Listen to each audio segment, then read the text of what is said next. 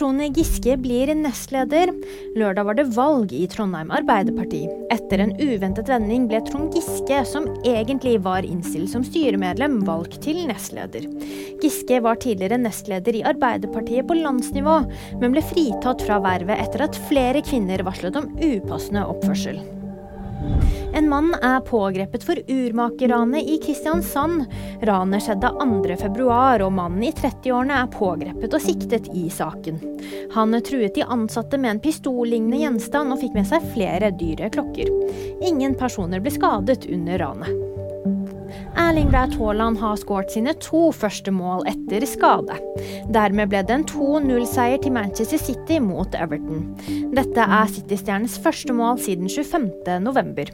Han har vært skadet og var ute av spill fra 6.12. til 31.1. Mer om Haaland og andre nyheter finner du alltid på VG.